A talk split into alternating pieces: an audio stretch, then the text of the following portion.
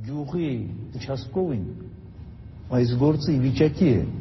վճռականության դեպքում ցանկության դեպքում բացել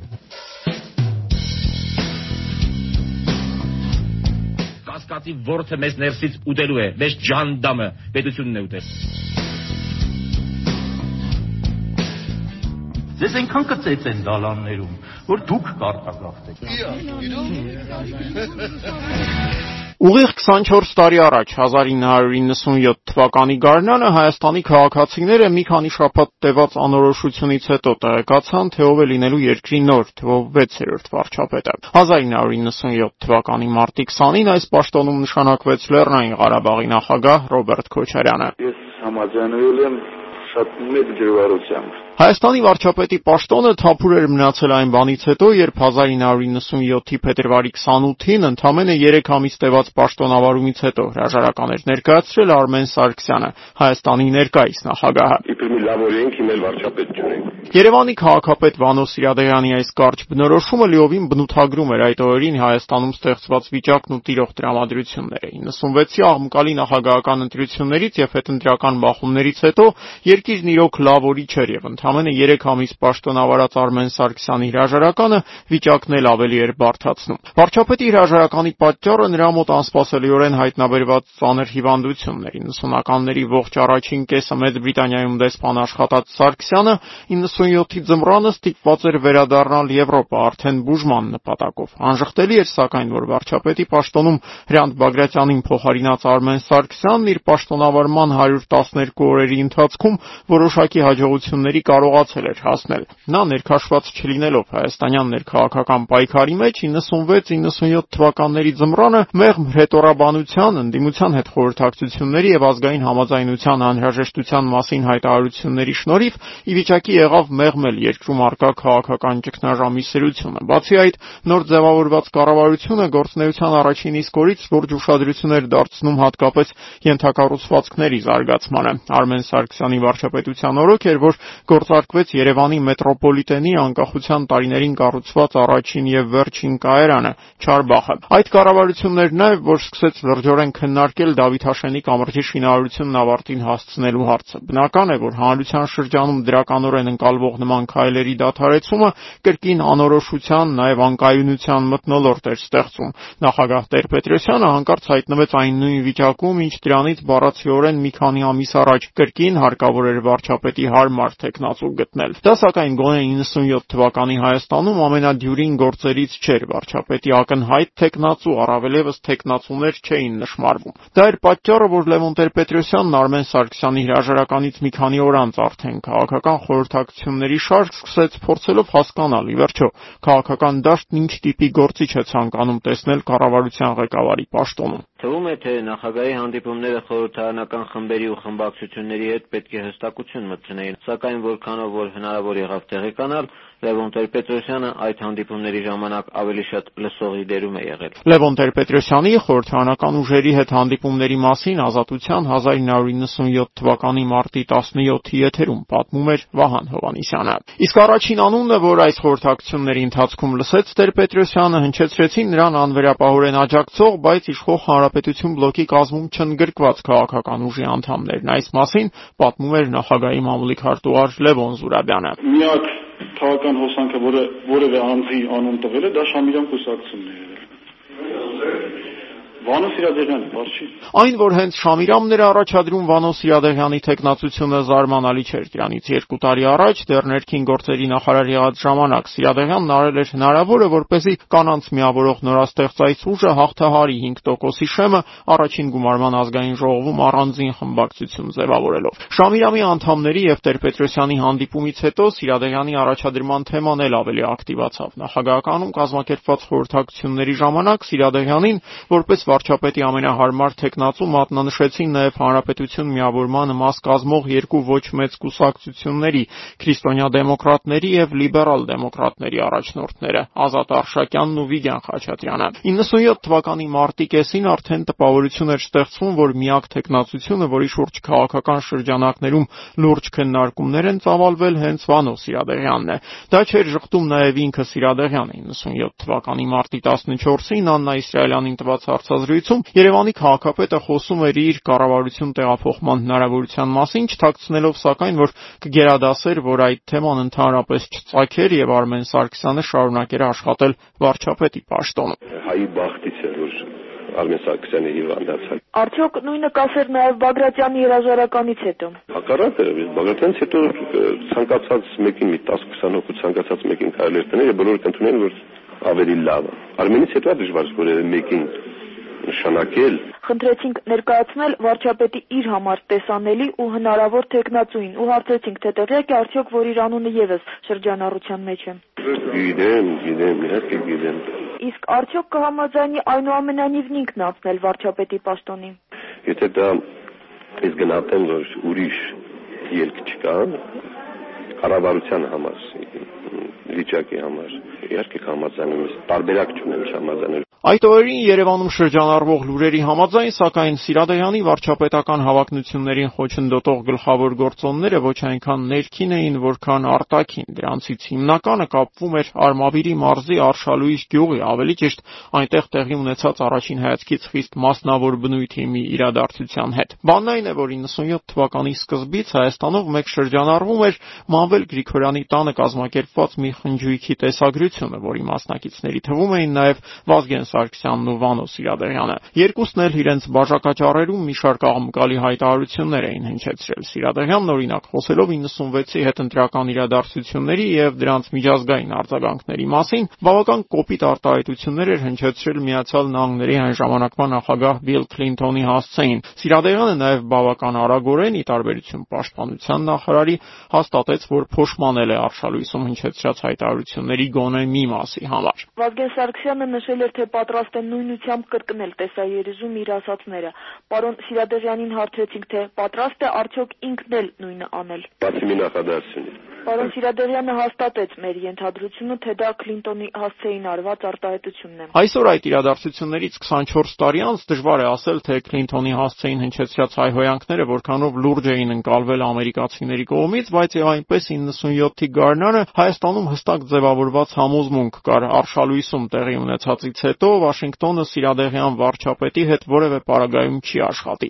Իսկ դա ավտոմատ կերպով նշանակում էր, որ նրա ձևավորած կառավարության հետ չեն աշխատի նաև Միացյալ Նահանգների ազդեցության ներքո գտնվող միջազգային ֆինանսական կառույցները։ Այս ամենից բացի Սիրադեղյանն այդ օրերին կարծես հասկանում էր Տեր-Պետրոսյանը դեռ որևէ որոշում վարչապետի նշանակման հարցում չի կայացրել, հավակնորդների քանակն էլ օրեցօր ավելանում էր։ Նկատեցին, որ 28 տեխնացու կա։ Դա նշանակում է տեխնացու չկա։ 28 տեխնատուների մասին Սիրադեյանի այս խոսքերն ի դեպ բացարձակապես չափազանցություն չէին։ 1997 թվականի մարտին Երևանյան թերթերն ամեն օր վարչապետի հնարավոր տեխնատուների նորանոր անուններ էին շրջանառության մեջ դնում՝ նախկին դեսպաններ, գործարարներ, կոմունիստական նոմենկլատուրայի երբեմնի բարձրաստիճան ներկայացուցիչներ, падգամավորներ ու պաշտոնյաներ։ Իրավունքում դիտարկվում են վարչապետի մի քանի որոշակի տեխնատուներ։ Արմեն Սարգսյանի օրոք որտեգրված կուրսը շարունակելու դեպքում հավանական բնական է դառնում Գառնիկ Նանագուլյանի տեխնատությունը, հաշվի առնելով նրա դիվանագիտական փորձը,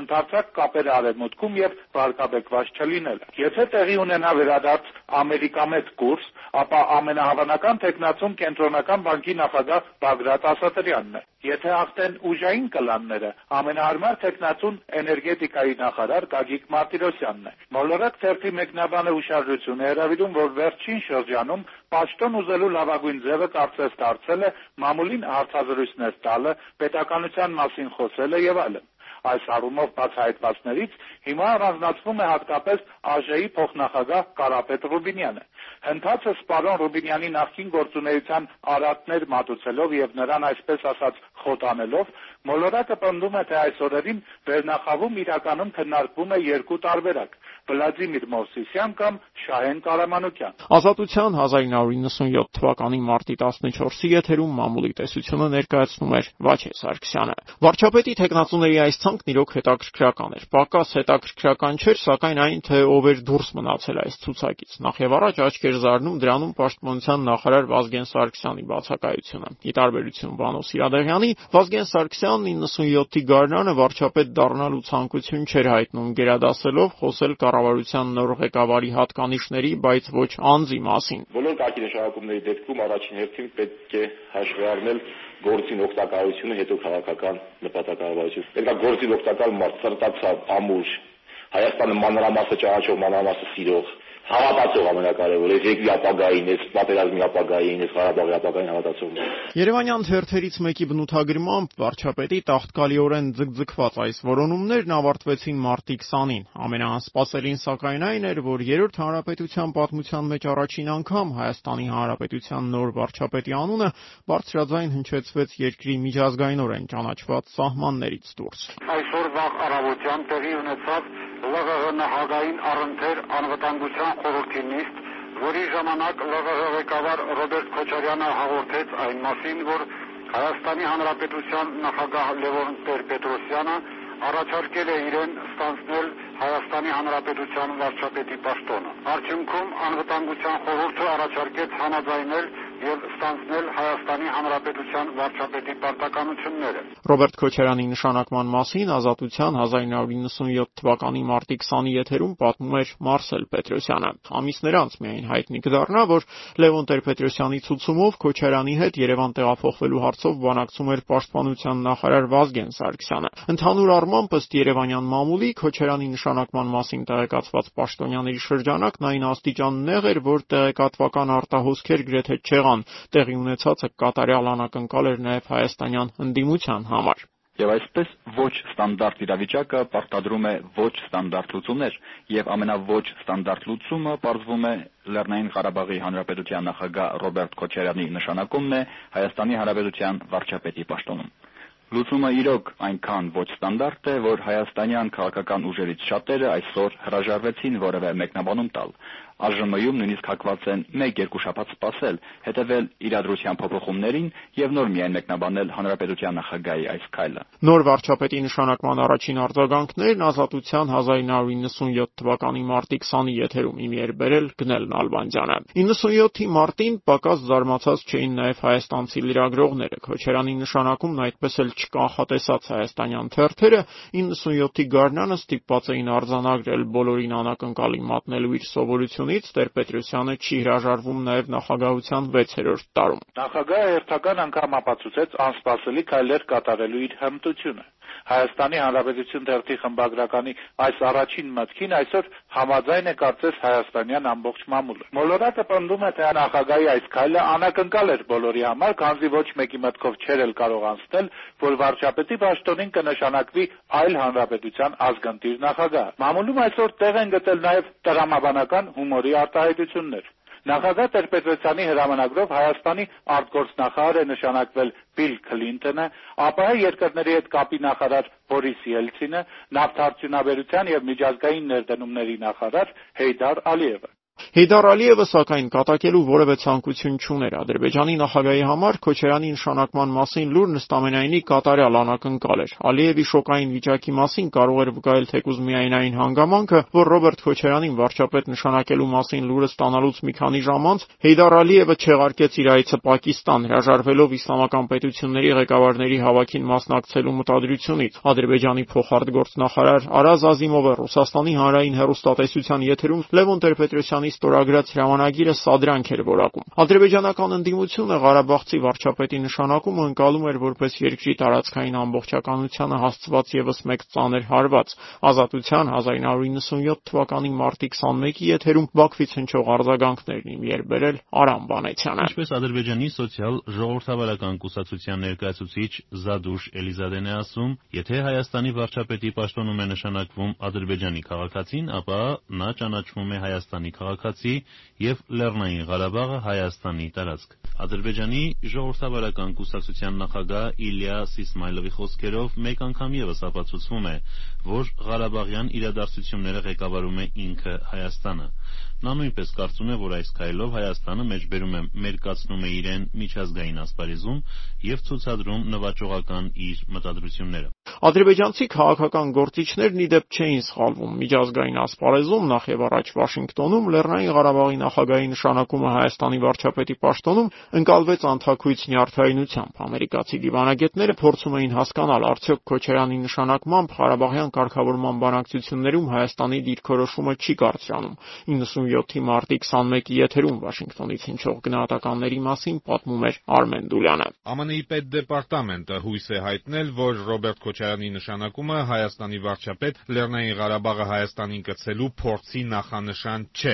Այդպիսի շրջադարձին մենք հավանություն չէինք տա եւ մեծ հույս ունենք, որ Հայաստանի իշխանությունները նման մտադրություն չունեն, ասել է պետդեպարտամենտի խոսնակ Նիկոլաս Բերնսը։ Քոչարյանի նշանակմամբ առանձնապես ողջավորված չէին նաեւ Մոսկվայում։ Այսօր, երբ երկրորդ նախագահի շրջապատն ամեն առիթ օգտագործում է Քոչարյանին որպես Հայաստանի ամենառուսամետ գործիչ ներկայացնելու համար, դժվար է պատկերացնել, որ 97-ին մոսկովյան շրջանակներում նրան այնքան էլ չէին վստահում։ Քոչարյանի անձի վերաբերյալ ամենամեծ վերապահումներն ուներ Ռուսաստանի կառավարության ամենաազդեցիկ անդամներից մեկը՝ արտգործնախարար Եվգենի Պրիմակովը։ Քոչարյանի վարչապետի պաշտոնում նշանակումից դեռ 1 տարի առաջ պետքարտուղարի տեղակալ Սթրոփ Թելբոտի հետ զրույցում Պրիմակովը նշել էր, թե Ղարաբաղյան կարգավորման գործընթացում ամենակառուցողական մոտեցումը որդեգրել է պաշտոնական Երևանը, ամենավոչ կառուցողականը Քոչարյանի ղեկավարած Ղարաբաղյան իշխանությունը։ Դե իսկ Հեյդար Ալիևի մոտեցումն ըստ Պրիմակովի հայկական կողմերի միջակայքում էր։ Քոչարյանի նշանակմամբ փոքր-ինչ տարակուսած էին ոչ միայն Ռուսաստանի կառավարությունում, այլև խորհրդարանում։ Պետդումայի ԱՊԱ-ի հարցերով կոմիտեի նախագահ Գյորգի Տիխոնովի ասելով, Հայաստանի վարչապետի պաշտոնում Լեռնային Ղարաբաղի առաջնորդին նշանակելու մասին լուրն իր մոտ զարմանք առաջացրեց։ Այդ զարմանքն անցավ, երբ ռուս գործիչը մտաբերեց, որ սա առաջին դեպքը չէ, երբ մեկ այլ երկրի քաղաքացի բացկաթորեն զբաղեցնում Հայաստանի Հանրապետության կառավարությունում։ Если предыдущий министр был, по-моему, гражданин Америки, то я для себя считаю так. Он э, пока никаких новых гражданств не принимал. Он гражданин Советского Союза. Гражданин Советского Союза имеет право морально, наверное, участвовать, где это его приглашают, в любом государстве бывшего Советского Союза. Ազատության 1997 թվականի մարտի 22-ի եթերում Հայաստանի նոր վարչապետի նշանակման մոսկովյան արձագանքներն իմ երբերել Արթուր Տերյանը։ 1997-ի մարտի վերջին, սակայն տպավորությունն այնպիսին էր, որ Քոչարյանն ինքն էլ դեռ վերջնականապես չի կողմնորոշվել։ Ինքը հիմա հայաստանյան թե Ղարաբաղյան գործիչ է։ Ռոբերտ Քոչարյանին վարչապետ նշանակելու առնչությամբ այսօր միայն հայտնի է, որ ըստ իրեն մոտ կանգնած աղբյուրների, պարոն Քոչարյանը առայժմ չի պատրաստվում հրաժարվել ԼՂՀ քաղաքացիությունից, ինչպես եւ ընտանիքով տեղափոխվել Հայաստանի Հանրապետություն։ Երևանյան իրողությունների հետ մոտիկից շփվելու առաջին հնարավորությունը Ռոբերտ Քոչարյանին ընձեռվեց նշանակումից 5 օր անց վարչապետի առաջին ասուլիսը, որին տասնյակ հայաստանցի լրագրողներ էին ներկա կազմակերպեց 1997-ի մարտի 25-ին։ Ազատություն ռադիոկայանից այդ ասուլիսին ներկա էր Տիգրան Նաղդալյանը։ Վերջին 5 ամսում արդեն երկրորդ անգամ այսօր ներկա էինք վարչապետի Անդրանիկ ասուլիսի։ Ի սկզբանե տրամաբանական համարելով արկա տարաբնույթ մեկնություններն իրանակնկալ նշանակման մասին վարչապետը նշեց, թե նախագահի ունեցած դրդապատճառների մասին հարկ է նրան հարցնել։ Ես չեմ ուզում հիմա մեկնաբանել բոլոր դրական կողմերը այս առաջարկի, բոլոր բացասական կողմերը։ Ուղղակի կարծեմ, որ ամենից մեծ բացասականը կլինի այն դեպքում, եթե ինչ չաջողվի լուծել այն խնդիրները, ինչի համար ես համաձայնվել եմ եւ ընդունել եմ այս պաշտոնը այդ դեպքում Ղարաբաղը կկորցնի եւ կորցրել է փաստորեն կայացած նախագահ եւ Հայաստանը չի ստանալու լավ վարչապետ։ Ռոբերտ Քոչարյանը կասկած չունի, որ այն թիմը, որ իրենից հետո աշխատելու է Ղարաբաղում, ունակ է իրականացնել իր տված բոլոր խոստումները։ Միաժամանակ նա նշեց, թե բացառվում է Ղարաբաղի իր գործընկերներից որևէ մեկի տեղափոխումը Հայաստան, չնայած որոշ դեպքերում դա կարող էր ցանկալի լինել։ Եվս մեկ խոստովանություն. Տեր-Պետրոսյանի առաջարկը անակնկալ է եղել նաև պարոն Քոչարյանի համար։ Գիտեք, ասում են, լավ ալինել առաջի մարդը գյուղում քան երկրորդը հռոմում է։ Մեր մոտ մեր մոտ ասում են պետ-պրեզիդենտին տարավան վարչապետ արկալ։ Բայց եթե գիտես որ Ռոմը Ռոմը պիտի վառվի եւ գյուղը կկորչի, ապա սկսես մտածել Իսկ ինչպես է շփվելու մամուլի հետ նոր վարչապետը, ըստ Ռոբերտ Քոչարյանի ինքը շատ լավ հարաբերություններ է ունեցել լրագրողների հետ Ղարաբաղում, եթե վերջիններս համը չեն հանել։ Ես կխնդրեի ուղղակի բոլորիդ մի 5-6 ամիս ինչ շատ չչարչարել։ Քոչարյանի եւ լրագրողների ավելի քան 1 ժամ տևած այս զրույցը սակայն այդպես էլ չտվեց գլխավոր հարցի պատասխանն։ Ի վերջո, ինչու էր նախագահ Տեր-Պետրոսյանի ընտրությունը կանգ առել հենց Ղարաբաղի նախագահի վրա։ օրերին հնչող հիմնական վարկածները երկուսն էին։ Առաջինի համաձայն Լևոն Տեր-Պետրոսյանը գերադասել էր վարչապետին դրսից բերել հասկանալով, որ Հայաստանում ընտրված ցանկացած տեխնացու այս կամ այն թելերով կապված է լինելու ներիշխանական խմբավորումներից որևէ մեկի հետ ակամայից ուժեղացնելով այն։ Մյուս վարկածի համաձայն Ռոբերտ Քոչարյանի վարչապետ նշանակման դրդապատճառները ոչ այնքան ներքին, որքան արտաքին քաղաքականության տիրույթում էին։ Այս վարկածի մասին առաջինը խոսեց Վանո Սիրադեղյանը։ Ես համարում եմ, Արցախի հարցի լուսման ճանապարհին տրամբանական հաջորդ քայլն է արված։ Կառավարության փոփոխում է նշանակում Արցախի վերաբերյալ։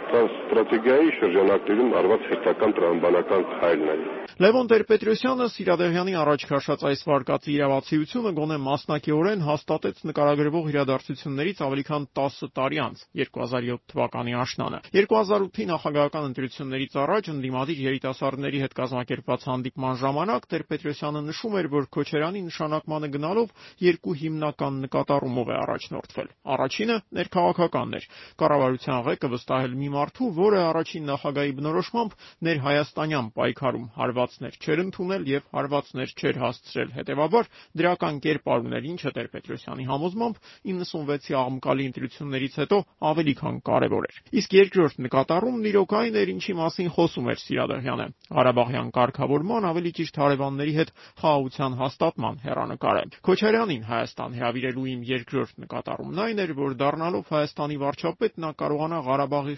խնդրին նայել նաև Հայաստանի տեսակետից, հայտարարում էր Տեր-Պետրոսյանը 2007 թվականին։ Պարզ ասած, ըստ առաջին նախագահի մտահղացման, Քոչարյանը ստանձնելով հայաստանյան տնտեսության կառավարումը պետք է տեսներ այն ծանրագույն գինը, որ վճարում է Հայաստանի Հանրապետությունը Ղարաբաղի հարցի չկարգավորված լինելու, չավարտված պատերազմի եւ գրեթե լիակատար շրջափակման պատճառով։ Հաջորդ ամիսների իրադարձությունները սակայն եկան վկայելու Քոչարյանն իր տեսակետը փոխելու մտադրություն չունի։ Դրա առաջին նախանշանները ի հայտ էին եկել դեռ մարտի 25-ի ասուլիսի ժամանակ, երբ Քոչարյանը բավական զգուշորեն, ոչ այնքան վարժ հայերենով ակնարկեց, թե իր նշանակումը ոչ միայն չի փոխի Ստեփանակերտի մոտեցումները, այլև հերանեկարում կարող է որոշակի տրանսֆորմացիայի ենթարկել պաշտոնական Երևանի դիրքորոշումը։ Չեմ համարում, որ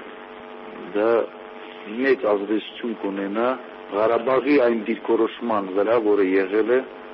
միգուցե նույնիսկ Հայաստանի դիրքորոշման մեջ այդ հարցում ավելի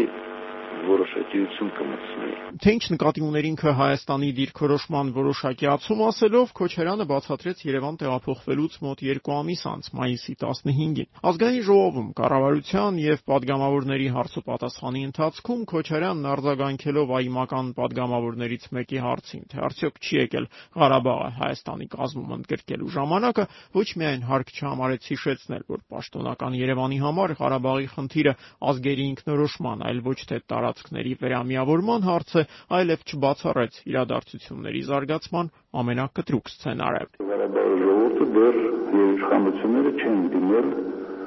Հայաստանի իշխանություններին, երբ որ լինի այդպիսի դիմում, ապա ես չեմ բացառում, որ այդ դիմումը մենք պիտի ուղղորեն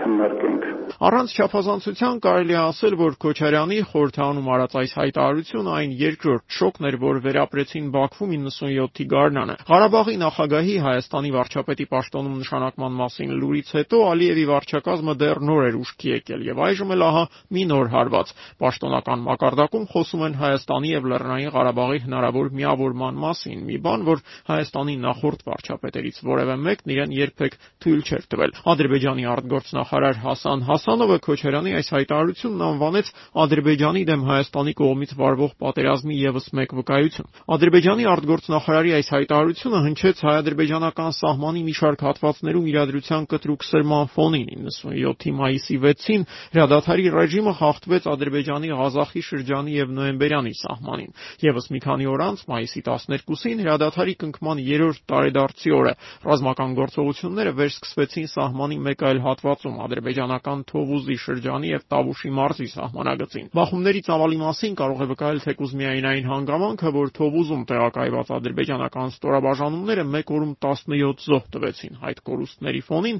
Հեյդար Ալիևը ստիպված էր չեղարկել Ադրբեջանի առաջին հանրապետության ստեղծման տոնի արդիվ Բաքվում նախատեսված ռազմական շքերթը։ Դրա փոխարեն Ադրբեջանի նախագահը հայտարարեց երկրի զինված ուժերը անհապաղ կերպով հզորացնելու անհրաժեշտության մասին առաջարկելով ադրբեջանական բոլոր բուհերի ուսանողներին զրկել բոլոր տեսակի տարգետումներից։ Եվ կարելի էր պատկերացնել Հայաստանի ազգային ժողովի падգամավորների զարմանքը, երբ Ադրբեջանի նախագահի հայտարարությունից մի քանի օր անց Հայաստանի պաշտպանության նախարար Վազգեն Սարգսյանը եկավ խորհրդարան, ներկայացնելով մի օրենսդրական նախաձեռնություն, որ գրեթե բառ առ բառ կրկնում էր Հեյդար Ալիևի գաղափարը 1997 թվականի հունիսի 10-ի ազատության եթերում առաջին գումարման խորհրդարանի ամենադրամատիկ նիստերից մեկի մասին պատմում էր Գնել Նալբանդյանը։ Զինապարտության մասին օրենքի նախագիծը վերջապես սկսեց քննարկվել խորհրդարանում։ Կառավարության ըստ էության պաշտպանության նախարարության տարբերակը պաշտպանում էր նախարար Վազգեն Սարգսյանը, որը հայտարարեց, թե դա պայմանավորված է օրենագծի բացառիկ կարևորությամբ։ Պաշտպանության նախարարը հայտարարեց, թե եթե Ռուսաստանում 120 հոգուց մեկն է զորակոչվում, Ադրբեջանում 90-ից մեկը, ապա Հայաստանում զորակոչվում է 46-ից մեկը եւ այդ զորակոչվածների մի զգալի մասը նույնիսկ իր անուն ազգանունը գրել չգիտի, իսկ զորակոչային ռեսուրսը ամբողջովին սպառված է։ Այլևս ռեսուրս չկա։ Եթե 97 թվականի աշնան զորակոչի համար ինձ ռեսուրս չտրվի, 97 թվականի աշնան զորակոչը կարող է խափանվել։ Դա է պատճառը, որ ելնելով սրանից հանրապետության կառավարությունը երկու ամիս շուրջ քննելով հարցը միանգամայն որոշեց ներկայացնել ձեր դատին այս տարբերակը։ Կառավարությունում ծավալված երկամսյա քննարկումների մասին Վազգեն Սարգսյանի այս հիշատակումն ի դեպ շատ խոսում էր։ Պաշտպանության նախարարը փաստորեն խոստովանում էր, որ բոլոր 18 տարեկան տղաներին բանակ տանելու գաղափարը ցակել է Քոչարյանի վարչապետ դառնալուց հետո։ Այս նախաձեռնությունը սակայն խորհրդանում հանդիպեց կոշտակազդեցության ազգային ժողովի նախագահ Բաբկեն Արարչյանը ներկայացրեց զինապարտության օրենքի իր անհամեմատ ավելի մեղմ տարբերակը, որը սակայն երկու անգամ ավելի քիչ քվե ստացավ, քան Վազգեն Վազգեն Սարգսյանինը։ Քվեարկության նման արդյունքը Բաբկեն Արարքցյանին ստիպեց դիմել հնարավոր քայլերից ամենակտրուկին։ Կամ շատ բիրտ ազդեցություն է կատարվել խորհրդարանի վրա, կամ երկրորդ տարբերակը ես ճիշտ չեմ պատկերացնում մեր պետության հետագա զարգացումը բայց երկու դեպքերում էլ հետեւաբար ես արդեն չեմ կարող լինել խորհրդարանի նախագահ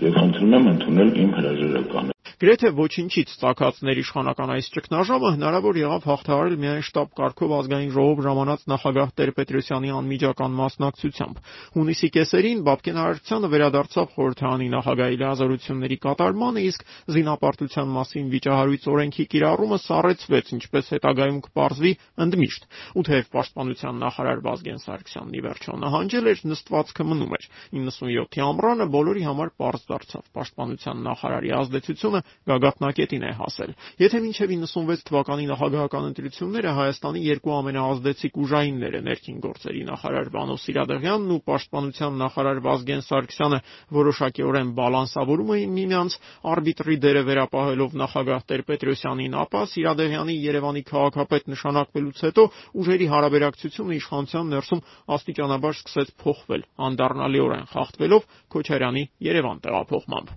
Քոչարյանի դերը արդեն նշանակում էր որ Հայաստանի քաղաքական էլիտան այլևս չի կարող թելադրել Ղարաբաղի քաղաքական թևը դա բանակի թև Հայաստանի բանակի Ղարաբաղի տանին այսինքն իշխանության ռազմական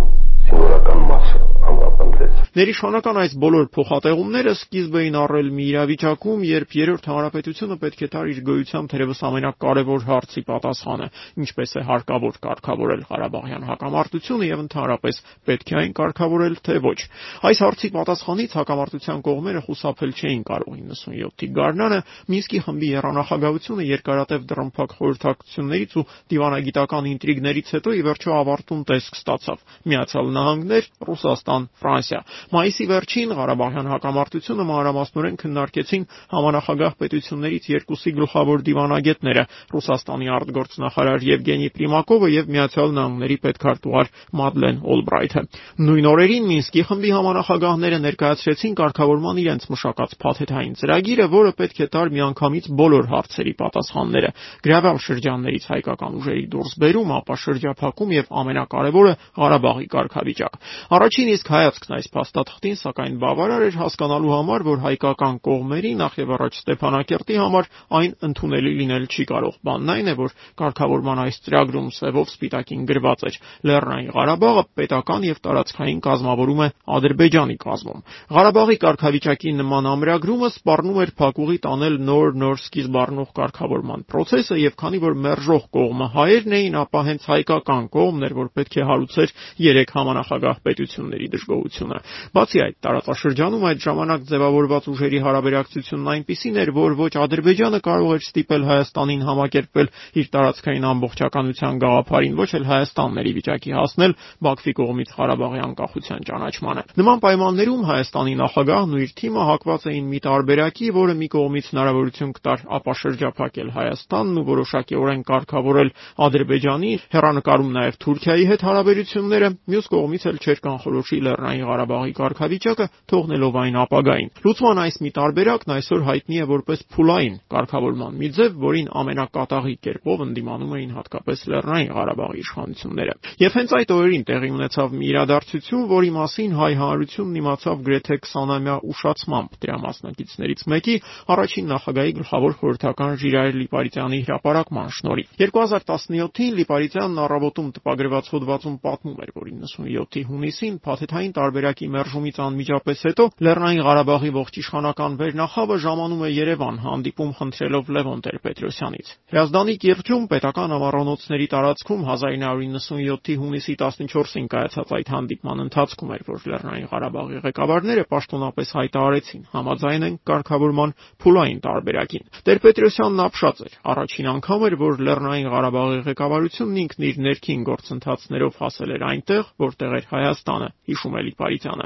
Հանդիպմանը մասնակցում էր նաև Հայաստանի վարչապետը, որն ըստ Ժիրայր Լիպարիտյանի որևէ առարկությամբ այդ ողջ խոսակցության ընթացքում այդպես էլ հանդես չեկավ։ Այսօր սակայն Ռոբերտ Քոչարյանը կտրականապես հերքում է, թե Հայաստանի եւ Ղարաբաղի ղեկավարների միջև ընդհանրապես նման հանդիպում տեղի է ունեցել։ Պետական ամառանոցում կայացած այդ հանդիպման 10 մասնակիցներից այսօր ողջ են 8-ը եւ նրանց մեծամասնությունը Լիպարիտյանի պատմածը չի հերքել։ Ամեն դեպքում ամռան երկրորդ կեսին արդեն համանախագահները սկսեցին ակտիվորեն աշխատել կարգավորման փուլային տարբերակի մշակման վրա, որի հիմքում պետք է լիներ հետեւյալ շատ པարզ մի գաղափարը։ Եթե կողմերը դեռ պատրաստ չեն ընդհանուր հայտարարի գալ Ղարաբաղի կարգավիճակի հարցում, պետք է լուծում տալ այն խնդիրներին, որոնց շուրջ համաձայնության ձեռքբերումը տեսականորեն հավանական է։ Պատերազմի բացառում, հայկական զորքերի դուրսբերում գրավյալ տարածքների մի մասից եւ Հայաստանի ապաշրջափակում։ Կարևոր գործոններից էր նաեւ, որ պաշտոնական Բաքուն 97-ին փուլային տարբերակին եւս չէր ընդդիմանում։ Ակնկալվում էր, որ կարգավորման նոր տարբերակը կողմերին կներկայացվի արդեն աշնանը սեպտեմբերի, սակայն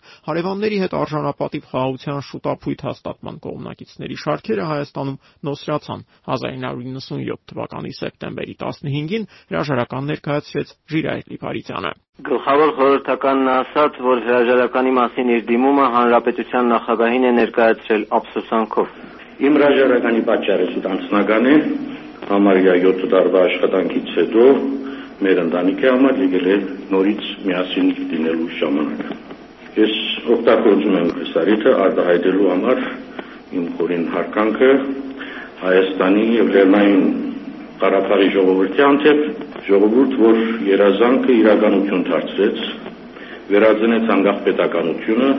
եւ բոլոր հայերին վերադարձրեց իր արժանապատվությունը։ Թույլ տվեք նաեւ արտահայտել իմ երախտագիտությունը նախագահ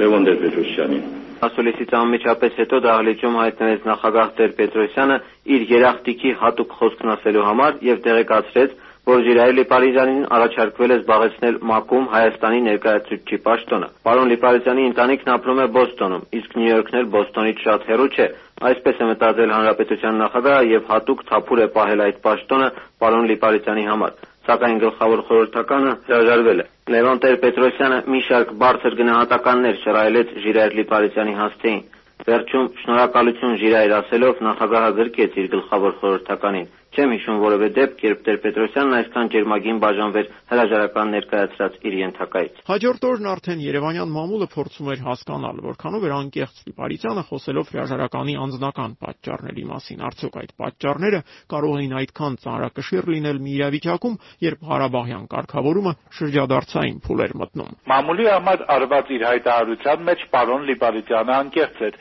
նա իսկապես հոգնել է։ Չնայած իսկական դիվանագետը ամբողջ ճշմարտությունը երբեք չի ասի։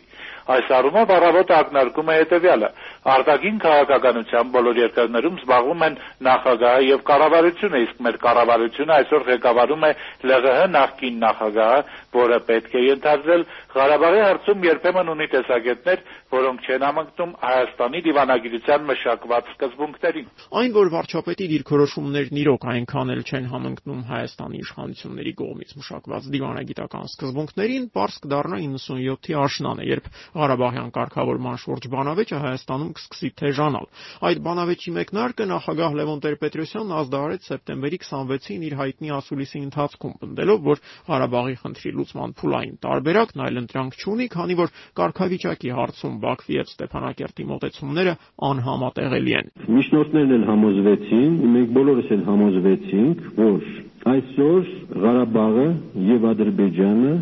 պատրաստ չեն քննարկել Լեռնային Ղարաբաղի կարգավիճակի հարցը Ասուլիսի ընթացքում հնչեցրած այս մոտեցումը Տեր-Պետրոսյանն էլ ավելի զարգացրեց նոյեմբերի սկզբին հրապարակված պատերազմ թե խաղաղություն լրջանալու պահը հոդվածում, որի հիմնական ուղերձներից մեկը հետևյալն էր. մեծ թյուրիմացություն է կարծելը, թե Ղարաբաղը շահել է պատերազմը եւ զիջումների գնալու կարիք չունի։ Դժբախտաբար Ղարաբաղը շահել է ոչ թե պատերազմը, այլ ճակատամարտը։ Պատերազմը շահում են միայն այն ժամանակ, երբ հակառակորդը կապիտուլյացիայի է ենթարկվում։ Պատերազմի ու ճակատամարտի շփոթությունը շատ շատերին է փորձանքի բերել, զգուշացնում էր Տեր-Պետրոսյանը։ 97-ի աշնանը ծավալված այս բանավեճին վարչապետ Քոչարյանը գոնե հրապարակայնորեն գերադասում էր չմասնակցել։ Մի որոշ ժամանակ Տեր-Պետրոսյանի հիմնական ընդդիմախոսները Ղարաբաղի իշխանություններն էին, որոնք վերջնականապես հրաժարվել էին հունիսին ձեռք բերված բանավոր պայմանավորվածություններից, ինչպես նաև հայաստանյան ընդդիմությունն ու խորհրդային շրջանից մնացած տիտղոսակիր մտավորականության մի մասը։ Քոչարյանի տեսակետը ողջելու առաջին փորձը ձեռնարկվեց Տեր-Պետրոսյանի հոդվածի հրապարակումից հանդիպումից մի քանի օր անց խորհրդարանում։ Վարչապետը, սակայն, գերադասեց ընդհանուր արտահայտություններ հնչեցնել միաժամանակ պատգամավորներին հասկացնելով, թե իր տեսակետը Ղարաբաղի հարցում չի փոխվել։ Ես չեմ կարծում, որ վիճակը ողբերգալի է։ Ես կարծում եմ, որ ընթացքը դեռ մինչև այսօր բավական նորմալ է ընթանում։ Վերաբերում եմ ազնական մտածման, ես այդ մտածումը արտահայտել էի երբեք չեմ թաքցրել եւ եթե այդպիսի անհրաժեշտություն ունի շարունակել եմ արտահայտել։ Քոչարյանին իր ամփոփող տեսակետն արտահայտելու առիթ ընձեռնվեց խորհրդարանի այս նիստից մոտ 1 ամիս անց Փարիզ կատարած այցի ընթացքում։ Ֆորմալ առումով Քոչարյանը Ֆրանսիայի մայրաքաղաք էր մեկնել երկկողմ տնտեսական կապերի զարգացումը քննարկելու համար։ Իրականում սակայն բանակցությունների հիմնական թեման Ղարաբաղն էր, որը Քոչարյանի հետ քննարկեցին Ֆրանսիայի բոլոր ղեկավարներն, այդ թվում նախագահ Ժակ Շիրակը։ Նա Հայաստանի վարչապետին դիմավորելու համար անգամ խախտեց արարողակարգը, դուրս գալով Ելիսեյան պալատից մի բան, որ արվում էր միայն պետության ղեկավարների համար պատվիրակության անդամների միջև համառորեն պտտվող շշուկ է, թե չնայած ոչ արարողակարգային ջերմ ընդունելությանը բավական ծանր եւ Հայաստանի համար աննպաստ խոսակցություն է կայացել։ Ղարաբաղի թեման շոշափվում է ամենուր։ Անկամ այսօր Ֆրանսիայի արտգործնախարար Հյուբեր Վեդրինի կողմից տրվող ճաշի ընթացքում կոոպերացիայի պետական քարտուղար պարոն Ժոսլենի բաժակաճառի մի հատված կարծես հավելում լիներ պատերազմ թե խաղաղություն հոդվածին։ Անվտանգության գինը ոչ թե մշտապես փոփոխվող ռազմական հաղթանակների շարանն է, այլ հարևանների հետ հարաբերությունների եւ համագործակցության շղթայի հաստատումը։ Հաղթած ու պարտված ճակատամարտերը ոչինչ չեն նշանակում, քանի դեռ վերջակետ չի դրված հենց իրեն՝ պատերազմին, մեջբերման ավարտը։ Բավական երկար տևեց օրվա կարևորությամբ երկրորդ հանդիպումը վարչապետ Լեոնել Ժոսպենի հետ, որի ավարտից հետո Ռոբերտ Քոչարյանը լրագրողներին կարճ ներկայացրեց խոսակցության նյութը։ Երկու բլոկն է տնտեսական հարաբերությունների զարգացումը ու Ղարաբաղի հարցի կարգավորումը։ Մեր այն հարցին, թե դրանք փոխպայմանավորվել են միմյանցով, պարոն Քոչարյանը պատասխանեց. Ոչ, ես չի ասեմ։ Հաջորդ հարցն էր, թե Զոսպենն էլ նույն դիրքորոշումներն ուներ Ղարաբաղի հարցում։ Գիտեք, կա ձևավորված մի վերաբերմունք, բայց երբ որ ներկայացնում ես, երբ որ կան լուրջ արգումենտներ, մարդիկ սկսում են նաև մտածել մի քիչ